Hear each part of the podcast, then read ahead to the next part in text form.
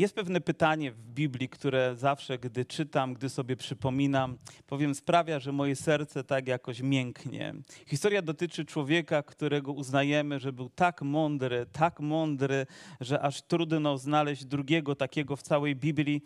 Jest to człowiek, który nazywał się no, nikt nie powiedział, nikt, że kto, ktokolwiek inny. Ciekawe, gdybyśmy mieli wymienić najmądrzejszego w zborze, to ciekawe byłoby tutaj powiedzenie, ale nikt z nas sobie nie uzurpuje prawa do tego. Natomiast gdy chodzi o Biblię, nie mamy wątpliwości, że tą osobą był Salomon. Ale nie zawsze takim był. Nie dlatego, że uczył się na Harvardzie albo gdzieś jakąś inną edukację właściwą zdobył, e, miał ku temu możliwości, bo miał wspaniałego ojca, dobre wychowanie, Myślę, że jego dom wcale nie był też łatwym domem. Niełatwo jest być synem tak wielkiego człowieka, jakim był Dawid. Niełatwo nieść tą spuściznę, ale wiemy, że to jego właśnie Pan powołał, aby przejął tron po Dawidzie, aby kontynuował to dzieło. Był młodym człowiekiem i pewnego dnia czytamy o tym w drugiej księdze królewskiej, w trzecim rozdziale, lecz Salomon miłował Pana postępując zgodnie z postanowieniem Dawida, swego ojca, tylko że składał też ofiary i spalał kadzidła na wzgórzach. No cóż, nikt nie jest doskonały. Król udał się też do Gibeonu, aby tam złożyć ofiary, gdyż to było najprzedniejsze wzgórze ofiarne. Na tym ołtarzu złożył Salomon tysiąc ofiar całopalnych. Być może to krótka informacja, ale dla mnie mówi o pewnej postawie, którą miał Salomon. Miłował Pana. Wiecie, to mi wystarczy. Czasami kogoś powołujemy do służby, czasami chcemy, żeby ktoś coś wykonywał dla chwały Boga. I być może szukamy jakichś uzdolnień, talentów, które ta osoba ma, i one są ważne, nawet są potrzebne, ale najważniejsze to, żeby była to osoba, która miłuje Pana żeby to była osoba, od której czuć, że kocha Boga, że chodzi razem z Nim, że przebywa w Jego obecności, że cieszy się społecznością razem z Nim, bo wszystkie inne rzeczy, powiem, mogą być dodane, ale jeżeli tego nie będziemy, to wszystkie inne przestaną mieć znaczenie. Miłość do Boga. A więc składał ofiarę, bo wiedział, że to jest ważne, wiedział, że w ten sposób uczci Boga i zrobił to z wielkim rozmachem, składając tysiąc ofiar. Ale czy to wystarczy? W Gebeonie ukazał się Pan Salomonowi nocą we śnie i rzekł Bóg. I oto to pytanie, albo to, co chcielibyśmy wszyscy usłyszeć. Proś, co ci mam dać? Przyznajcie się. Nieraz powracam do tego fragmentu. Kto z was chciałby usłyszeć takie pytanie? Proś, o co chcesz. Niektórzy tak delikatnie dźwignęli rękę, obawiając się. Wiecie, ja nie wiem, czy to jest łatwo usłyszeć takie pytanie, żeby znaleźć właściwą odpowiedź. Naprawdę nie jest łatwo, bo o co prosić? Niektórzy z nas są w bieżącym, ale macie tylko jedną możliwość, nie dziesięć i potem nastąpią następne, ale tę jedną, od której rozpocznie się tak naprawdę wszystko. I wielu z nas by powiedziało, no dobrze, no chcę być uzdrowionym, bo to będzie wiązało się z moim życiem, z moją, z moją wygodą życia. Ktoś z was może poprosi o większe finanse, ktoś z was poprosi o uzdrowienie swojego małżeństwa, ktoś poprosi o inne rzeczy, rzeczy, które naprawdę są dla nas ważne, ale czy jest jakaś rzecz, o którą moglibyśmy poprosić, od której wynikałoby wszystko to inne, czego potrzebujemy? Coś, od czego będzie się coś rozpoczynać. Nie do tego tylko dochodzić, będzie to taki jednorazowy strzał, ale ta jedna rzecz spowoduje, że inne rzeczy będą miały znaczenie. A więc należy się nie wychylać zbyt szybko, nie odpowiadać zbyt pochopnie, ale może poczekać chwilę, aby uzyskać tę właściwą odpowiedź.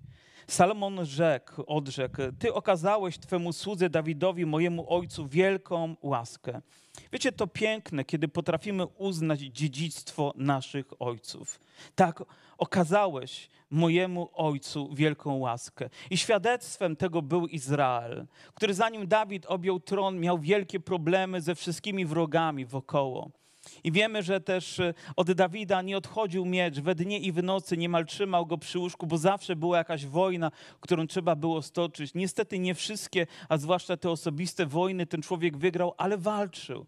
Naprawdę był rycerzem, naprawdę był mężem Bożym i Bóg okazywał mu łaskę i okazywał mu przychylność. Wiecie, gdy patrzymy wstecz, gdy patrzymy na minione pokolenia, obyśmy mieli na tyle pokory na samym początku, by uznać ich dziedzictwo by docenić to, co oni zrobili również dla nas, by uznać też dziedzictwo naszych ojców. To, że tutaj dzisiaj jesteśmy, to, że mamy to wspaniałe miejsce, to, że mamy taką społeczność. Wiecie, ona rozpoczynała się w 1947 roku, gdzieś po wojnie, w jakimś domu, w jakiejś kamienicy i być może nawet ze strachem, że za chwilę zapukają jakieś służby do drzwi i może to wszystko skończyć się tragicznie, ale musimy uznać dziedzictwo tamtych ludzi, ich wiarę, ich poświęcenie, ich służbę, którą mieli. Dlatego my dzisiaj tutaj jesteśmy. Aleluja.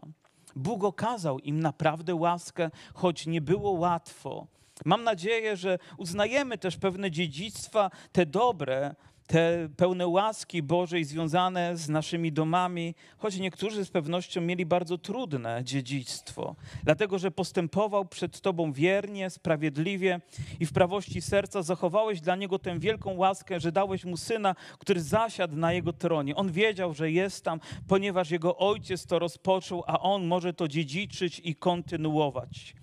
I, I wtedy, gdy dochodzi do tego, jak należy to zrobić, w wierszu dziewiątym czytamy: Daj przeto Twemu słudze serce rozumne, aby umiał sądzić Twój lud, rozróżniać między dobrem i złem. Inaczej bowiem, któż potrafi sądzić ten Twój ogromny lud? Salomon był młodym człowiekiem, był niedoświadczonym człowiekiem, Spad, spadła na niego wielka odpowiedzialność. Nawet nie wiem, czy wiecie, ale 40 lat minęło, jak kroczę za Panem Jezusem Chrystusem. Ponad 30 lat jestem zaangażowany w służbę dla Niego. I to w taką służbę no, niemal pełnowymiarową. Mając 25 lat, e, zostałem pastorem tego zboru. Wiecie, jak byłem młody? Kto z Was ma 25 lat dzisiaj? Jest tutaj jakiś młodzieniec, który ma akurat 25 lat, a kto chciałby mieć 25 lat? No to wszyscy ręce dźwigają.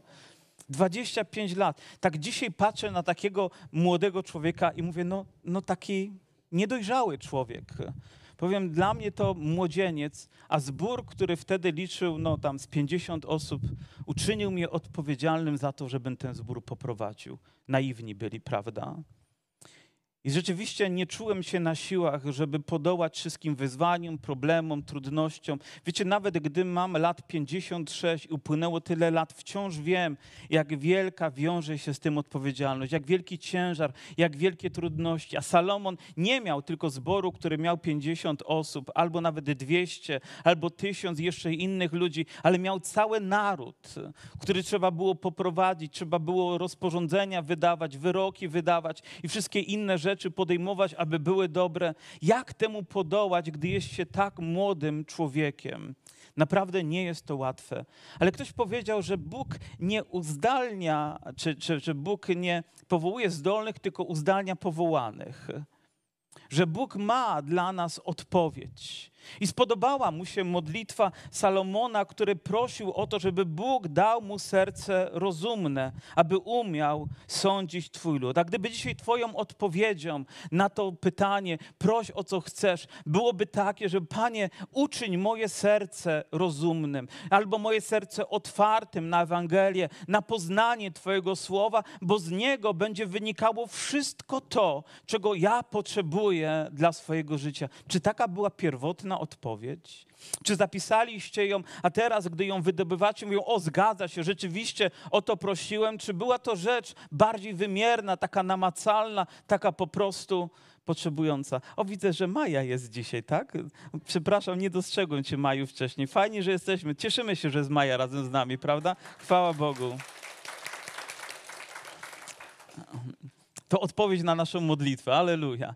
Ale potrzebujemy tej mądrości i naprawdę, abyśmy mieli pokorę poprosić o to, co jest w tym momencie najbardziej właściwe i Salomon to zrobił. To też rzekł Bóg do niego, dlatego że o taką rzecz prosiłeś, a nie prosiłeś dla siebie ani o długie życie, ani nie prosiłeś dla siebie o bogactwo, ani nie prosiłeś o śmierć dla swoich wrogów, lecz prosiłeś o rozum, aby umieć być posłusznym prawu.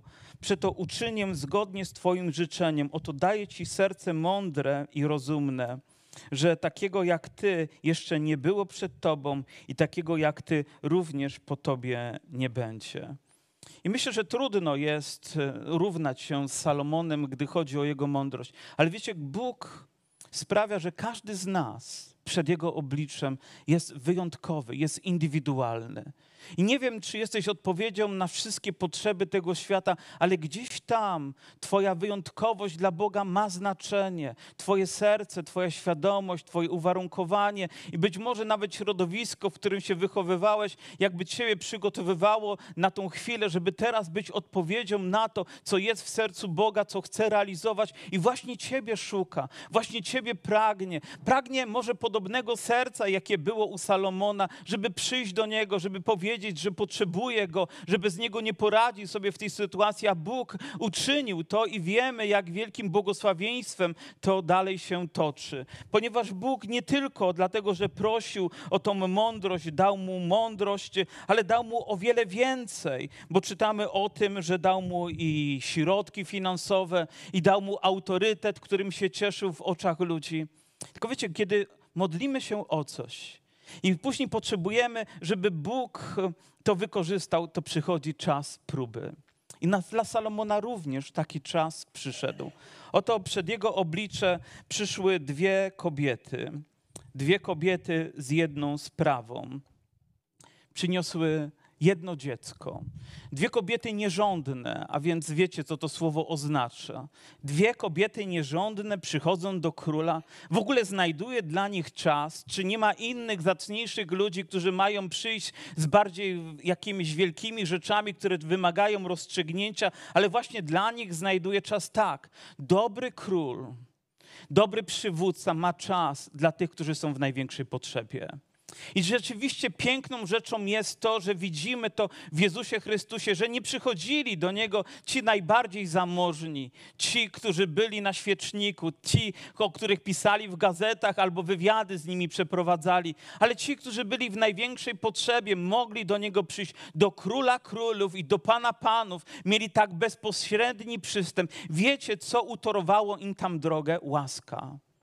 I łaska sprawia, że ja i ty możemy przyjść przed tron samego króla, że możemy stanąć przed nim. I nie dlatego, że jesteśmy wyjątkowi, ale dlatego, że on jest wyjątkowy dla nas. Dlatego, że ma dla nas serce, dlatego, że on lepiej nas rozumie niż mąż i żona, ojciec i matka, przyjaciel. Nikt, nikt nas tak nie rozumie, nikt nie wie, jak głęboko coś przeżywamy i też nie wie, co skrywamy w swoim sercu, nie wie, jaką mamy postawę, jaką mamy szczerość. Nie wie tego nikt. I nawet gdybyśmy to wyśpiewali albo wypowiedzieli, i tak byłaby to cząstka tego, co rzeczywiście w nas zaledwie jest i co potrzebujemy wyrazić. Przed to dwie kobiety nierządne i też z jakim problemem przyszły? Z jednym dzieckiem, ale wcześniej było dwoje dzieci, bo oto jedna matka w nocy niefortunnie, chociaż słowo nie wiem, czy tutaj tak powinno być określone, ona przygniotła swoje dziecko, pozbawiając życia. Ja wiem, że to jest trudne, ale nie wyobrażam sobie takiej sytuacji, że matka gdzieś, nie wiem, może jest nieczeźwa, może jest jakaś nie, nieświadoma swojego macierzyństwa, bierze dziecko i po prostu w nocy przygniata. Matka zazwyczaj nie śpi w nocy. Matka czuwa w nocy. Matka sprawia, że, że dziecko jest bezpieczne ono tylko wyda głośniejszy dźwięk i od razu matka reaguje. Czy tak nie było w waszym przypadku, drogie mamy? Czy nie było tak, że mąż chrapał, że się spać nie dało, a wy żeście nawet pomimo to usłyszały, że dziecko tam zakaszlało albo jakiś dźwięk wydało? Każdy z nas wie, że tak właśnie jest. Ale jedna z nich coś zrobiła strasznego, ale wzięła tej drugiej, która była w tym samym domu, dziecko, uznała, że to jest jej i zaczęła, a tamta, gdy zorientowała się, że ta podrzuciła jej martwe dziecko, no to przyszły z tym do króla, z jednym dzieckiem, dwie matki. Powiem, nie można zrobić badań DNA, nie można rozpoznać, może nawet po wyglądzie, która jest tą prawdziwą matką i rozstrzygnij teraz królu, która tą matką jest. Jak? Jak zrobić, żeby rzeczywiście stwierdzić, że to jest prawdziwa matka, matka, a ta jest fałszywa. Jak rozróżnić prawdę od fałszu, kłamstwo od prawdy? Jak rozróżnić? jeżeli nie mamy dowodów empirycznych, takich, na których moglibyśmy się oprzeć, jeżeli mamy słowo przeciwko słowu, jak zajrzeć w myśli i w serce? Może jedna odstawia tam szopkę i druga również, która mówi prawdę z nich. Jak stwierdzić, kto mówi prawdę, a kto jest nieprawdziwy, kto jest wierny, a kto jest niewierny? Jak możemy to ocenić my, ludzie? I wtedy król mówi coś niezwykłego. Mówi, podajcie mi miecz. Przeczytałem te słowa, będąc jeszcze młodym człowiekiem i pomyślałem sobie, no to chyba nie jest najlepsze rozwiązanie.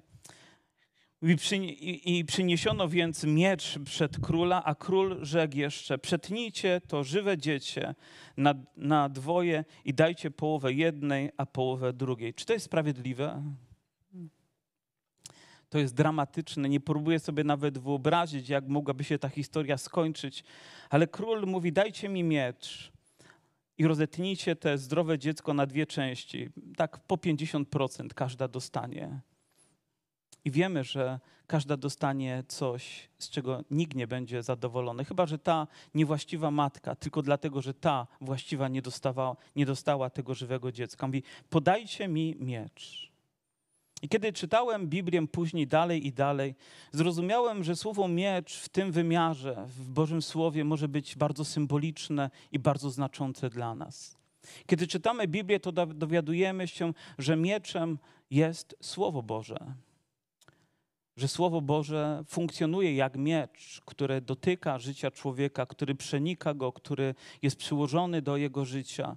W tym przypadku oczywiście, że był to miecz fizyczny, który miał być przyłożony. I oto Salomon, gdy robi, gdy ta chwila następuje i dramat, i tutaj werble grają, sytuacja robi się napięta i ludzie dech zapierają, ponieważ nie wiedzą, jak się skończy. Wtedy jedna z tych matek krzyczy, żeby zabić, a druga mówi nie, ocalmy to dziecko. Wolę, żeby ono było całe, nawet jeżeli ja dalej nie będę jego matką, ale chcę, żeby ono było żywe, bo właśnie tego chce prawdziwa matka. Wystarczyło przyłożyć miecz, a prawda została ujawniona w sercu tej właściwej matki. Wiecie, to była dla mnie jedna z takich fundamentalnych lekcji mojego życia, że gdy Bóg przykłada miecz, gdy przykładam miecz do naszego życia, gdy przykładam miecz do naszego serca, to wtedy to, co prawdziwe, się odezwie. To, co autentyczne, odezwie się a to, co fałszywe, będzie krzyczeć tak, aby wyrządzić krzywdę, aby wyrządzić coś złego, aby dokonała się jakaś straszna rzecz. Być może wy również dzięki temu, dzięki tej lekcji, dzięki tej mądrości, która płynie z tej księgi, którą miał Salomon, będziecie mogli nauczyć się coś ważnego w waszym życiu kiedy słyszycie okrzyki z jednej i z drugiej strony i będziecie zadawali sobie, gdzie jest prawda, to być może prawdę wyznaczy miecz. Prawdę wyznaczy ten pion, którym jest Boże Słowo i odniesienie do niego.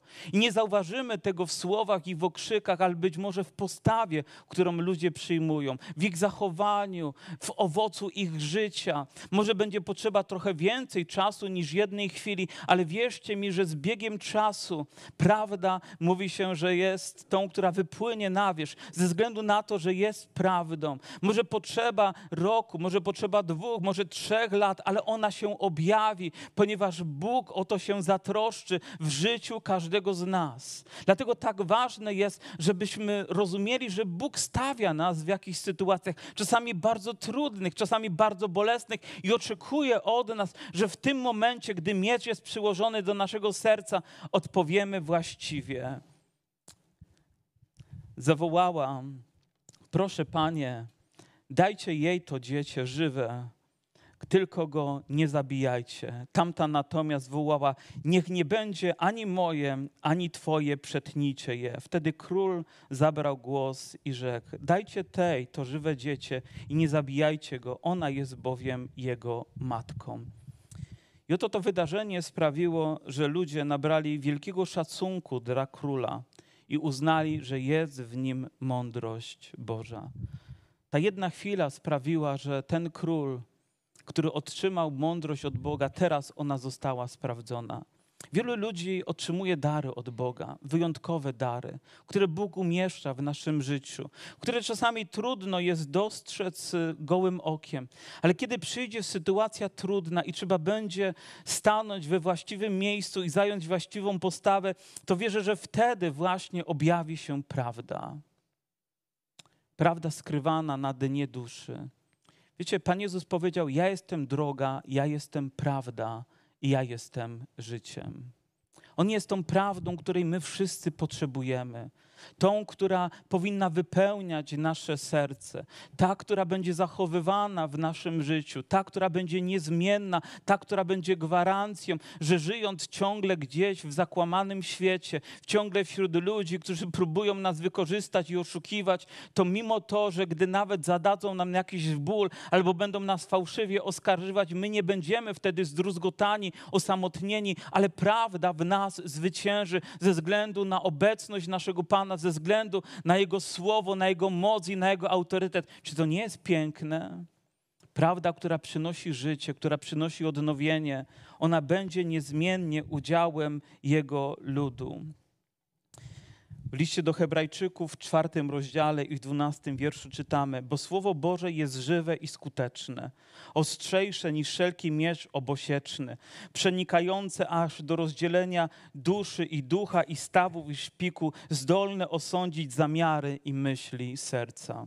Takim jest Słowo Boże, które jest przyłożone dzisiaj, w tym momencie, do mojego i do Twojego serca. Ono jest przykładane wtedy, gdy Bóg Cię do czegoś wzywa, a Ty masz odpowiedzieć.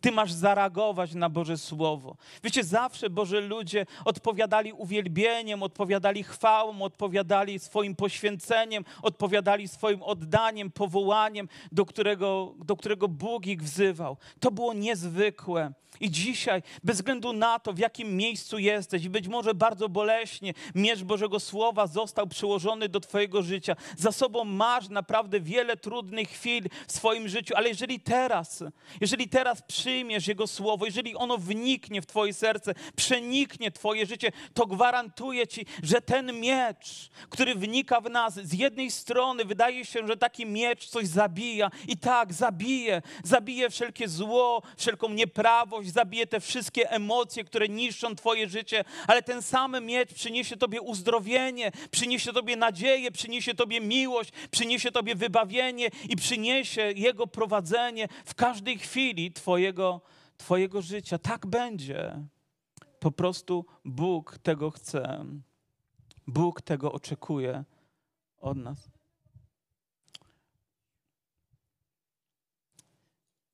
jeżeli możemy prosić tatę, żeby zajął się córką, to będziemy, będziemy wdzięczni. Biblia mówi, że całe pismo przez Boga jest natchnione i pożyteczne do tego, żebyśmy je odkrywali, do tego, żebyśmy je przyjmowali, do tego, żebyśmy je wypełniali, bo Bóg ma w tym swój plan. Wiecie, ja nie znam sytuacji życia Was wszystkich. Nie potrafię zajrzeć w serce nikogo z Was tak głęboko, jak potrafi zrobić to Bóg, ale wiem, co On dzisiaj robi przykłada miecz do Twojego serca, miecz swojego słowa i czeka na Twoją reakcję. Czeka na Twoją odpowiedź. Jak zareagujesz, co odpowiesz. Historia biblijna nas uczy, że wielu ludzi odwracało się, odchodziło, a jakaś garstka ludzi szła za Panem Jezusem i oni wybierali tą prawdę. Niektórzy krzyczeli: Ukrzyżuj go, ukrzyżuj go, ale niektórzy w milczeniu stali, płakali, ich serce było rozdarte. Jedni przyjmowali Ewangelię, a inni się od niej odwracali. Wiecie, dzisiaj jest czas, kiedy musimy podjąć decyzję, gdy miecz jest przyłożony do naszego serca. Być może dzisiaj, i mam tą świadomość, przyłożony jest do serca kogoś z Was bardzo wyraźnie. Powiem, jest to taki taki pełen miłości ból, który Bóg zadaje nam po to, żebyśmy zareagowali i powiedzieli: Tak, Panie, ja nie wiem, co mnie czeka. Wiesz, w jakiej sytuacji jestem. Wiesz, że nie podołam w tej sytuacji bez Ciebie i proszę Cię, abyś Ty poprowadził mnie dalej zgodnie ze swoją wolą, a Bóg to w swojej łaskawości uczyni. Być może w tym tygodniu staniesz w jakiejś sytuacji, która będzie wymagała do tego, żeby powiedzieć prawdę. Kiedyś do naszego zboru chodził pewien człowiek który no, miał za sobą jakąś przeszłość trudną i w związku z tym musiał stanąć przed sądem. Przyszedł do mnie i mówi: Pastorze, idę na rozprawę sądową, mam adwokata, i adwokat powiedział mi w ten sposób: Jeżeli pan będzie mówił prawdę, pójdzie pan do więzienia. Jeżeli pan będzie kłamał, to będzie pan wolny. Ja mówię: Wiesz co, ja ci mówię to samo, tylko odwrotnie. Jeżeli będziesz mówił prawdę, to będziesz wolny, a jeżeli pójdzie, będziesz kłamał, to pójdziesz do więzienia. Ty musisz podjąć decyzję. I modliliśmy się tam o to, żeby Bóg dał mu siłę, o to, żeby podjął decyzję. I wiem, ile go to kosztowało, bo rzeczywiście wszystkie argumenty przemawiały po stronie, po stronie jego adwokata, a ja starałem się mówić mu tak, jak mówi Boże Słowo. Modliliśmy się o to i podjął decyzję, że powie prawdę. Poszedł na rozprawę, a rozprawa się nie odbyła. I nie poszedł nigdy do więzienia nie poszedł nigdy do więzienia. Pamiętam pewną sytuację, gdy my też jako rodzina budowaliśmy dom, sprzedaliśmy stare mieszkania. Wiecie, że te pieniądze trzeba zadeklarować, że będą wpompowane w ten nowy dom. I rzeczywiście tak też robiliśmy, ale później też pracowaliśmy, więc dodatkowe środki tam pompowaliśmy. No i trzeba było zbierać te wszystkie faktury, wszystkie faktury i niektóre też odliczyliśmy sobie od podstawy opodatkowania, a więc e, wydawało nam się, że robimy dobrze, dopóki nas urząd skarbowy nie wezwał żebyśmy się rozliczyli. I pyta mnie ta pani, i wiem, że tam jest haczyk. Czy wszystkie faktury zostały jakby przekazane na dom, czy któreś nie odliczyliśmy sobie od podstawy opodatkowania? Wiedziałem, że od tej odpowiedzi może zależeć bardzo wiele. Może nas to zaboleć finansowo bardzo mocno. Ale wiedziałem też, że nie mogę tam powiedzieć kłamstwa, ponieważ Bóg przyłożył miecz do mojego serca i powiedział: Mów prawdę bez względu na to, ile będzie cię to kosztować. Mów prawdę, bo na kłamstwie nie zbudujesz domu, nie zbudujesz swojej przyszłości. Powiedz prawdę. Wiecie, powiedziałem tej pani, proszę panią, nie, to nie są wszystkie faktury, które zostały przekazane, tylko niektóre odliczyliśmy od podstawy też opodatkowania. Popatrzyła na mnie. Ona wiedziała o tym już wcześniej a ja tylko przyznałem się do winy. Mówi, ale to jest tak niewielka ilość, że nie ma problemu i rozliczyła nam wszystko. Ale gdyby zobaczyła w moich oczach kłamstwo i z moich ust usłyszałaby to, to z, z pewnością miałbym konsekwencje. Proszę, gdy Bóg stawia cię w jakimś miejscu, gdzie trzeba zaświadczyć o Nim, gdy trzeba powiedzieć prawdę, nawet jeżeli to zaboli. Powiem, jesteś świadkiem jakichś rzeczy i oczywiście wszyscy będą cię nakłaniać do tego, żebyś skłamał, że to on jest winny, a może to ty jesteś winien. Czy masz odwagę to zrobić bez względu na cenę, którą trzeba zapłacić? Oczywiście łatwiej jest wypierać się tego, łatwiej jest iść na łatwiznę, ale Biblia uczy nas innej rzeczy. Wiecie, Salomon poprosił o mądrość, a otrzymał wszystko to, czego potrzebował w swoim życiu. Jeżeli my nauczymy się żyć zgodnie z tym, co Bóg zadeklarował w swoim słowie jako swoją wolę dla naszego życia i uchwycimy się tego mocno, to wszystko inne, tak jak czytaliśmy też w środę, gdy szukamy tego, co najważniejsze, będzie nam dodane. Bóg zatroszczy się. On zna Twój kolejny dzień. On wie, że czasami są nieprzespane noce z powodu troski, problemu, ale zaufaj Mu. Pozwól, żeby miecz przyłożony do Twojego serca przyniósł błogosławiony owoc owoc w Twoim życiu. Zdaj się na Niego. Wiecie, my czasami też szukamy takiej okazji, która będzie najlepszą do tego, żeby coś zrobić. O, zrobię to, ale, ale mam tutaj warunki, muszę to zrobić w określonym czasie, w określonym miejscu, w określonych środkach, które będą mi dane, bo teraz jest najtrudniej. A Biblia właśnie mówi: teraz to zrób. Gdyby Bóg kogoś z Was dzisiaj wzywał, powiesz mi swoje życie. Po prostu otwórz przede mną swoje serce i powiedz: Panie, całym sercem chcę, żebyś był Panem mojego życia. Wiesz, jaka myśl przyjdzie? Zrobię to później. Zrobię to jutro. Zrobię to na następnym nabożeństwie. Zrobię to, kiedy się lepiej do tego przygotuję, kiedy okoliczności będą bardziej sprzyjające. Ale dzisiaj jest przyłożony miecz do Twojego serca i nigdy nie mamy gwarancji, że ta sytuacja się tak samo powtórzy.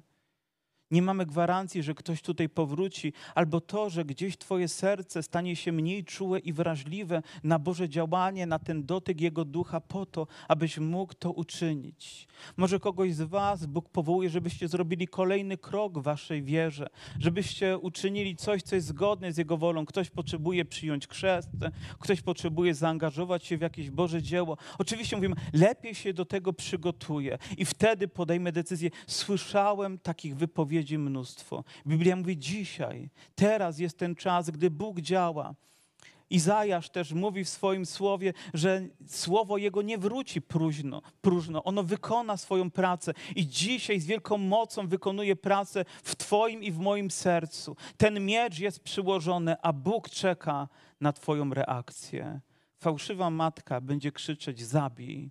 Ani ja, ani ona niech nie mają nic z tego, tej radości. A prawdziwa matka mówi: Jestem gotowa na to, żeby się poświęcić byle tylko dziecko zostało uratowane. Prawdziwa wiara będzie mówić: Jestem gotowa się poświęcić, byle tylko Bóg był uwielbiony, by On był wywyższony, by On był najważniejszy w moim życiu, a Bóg o wszystko inne się zatroszczy. Pochylmy na chwilę nasze głowy.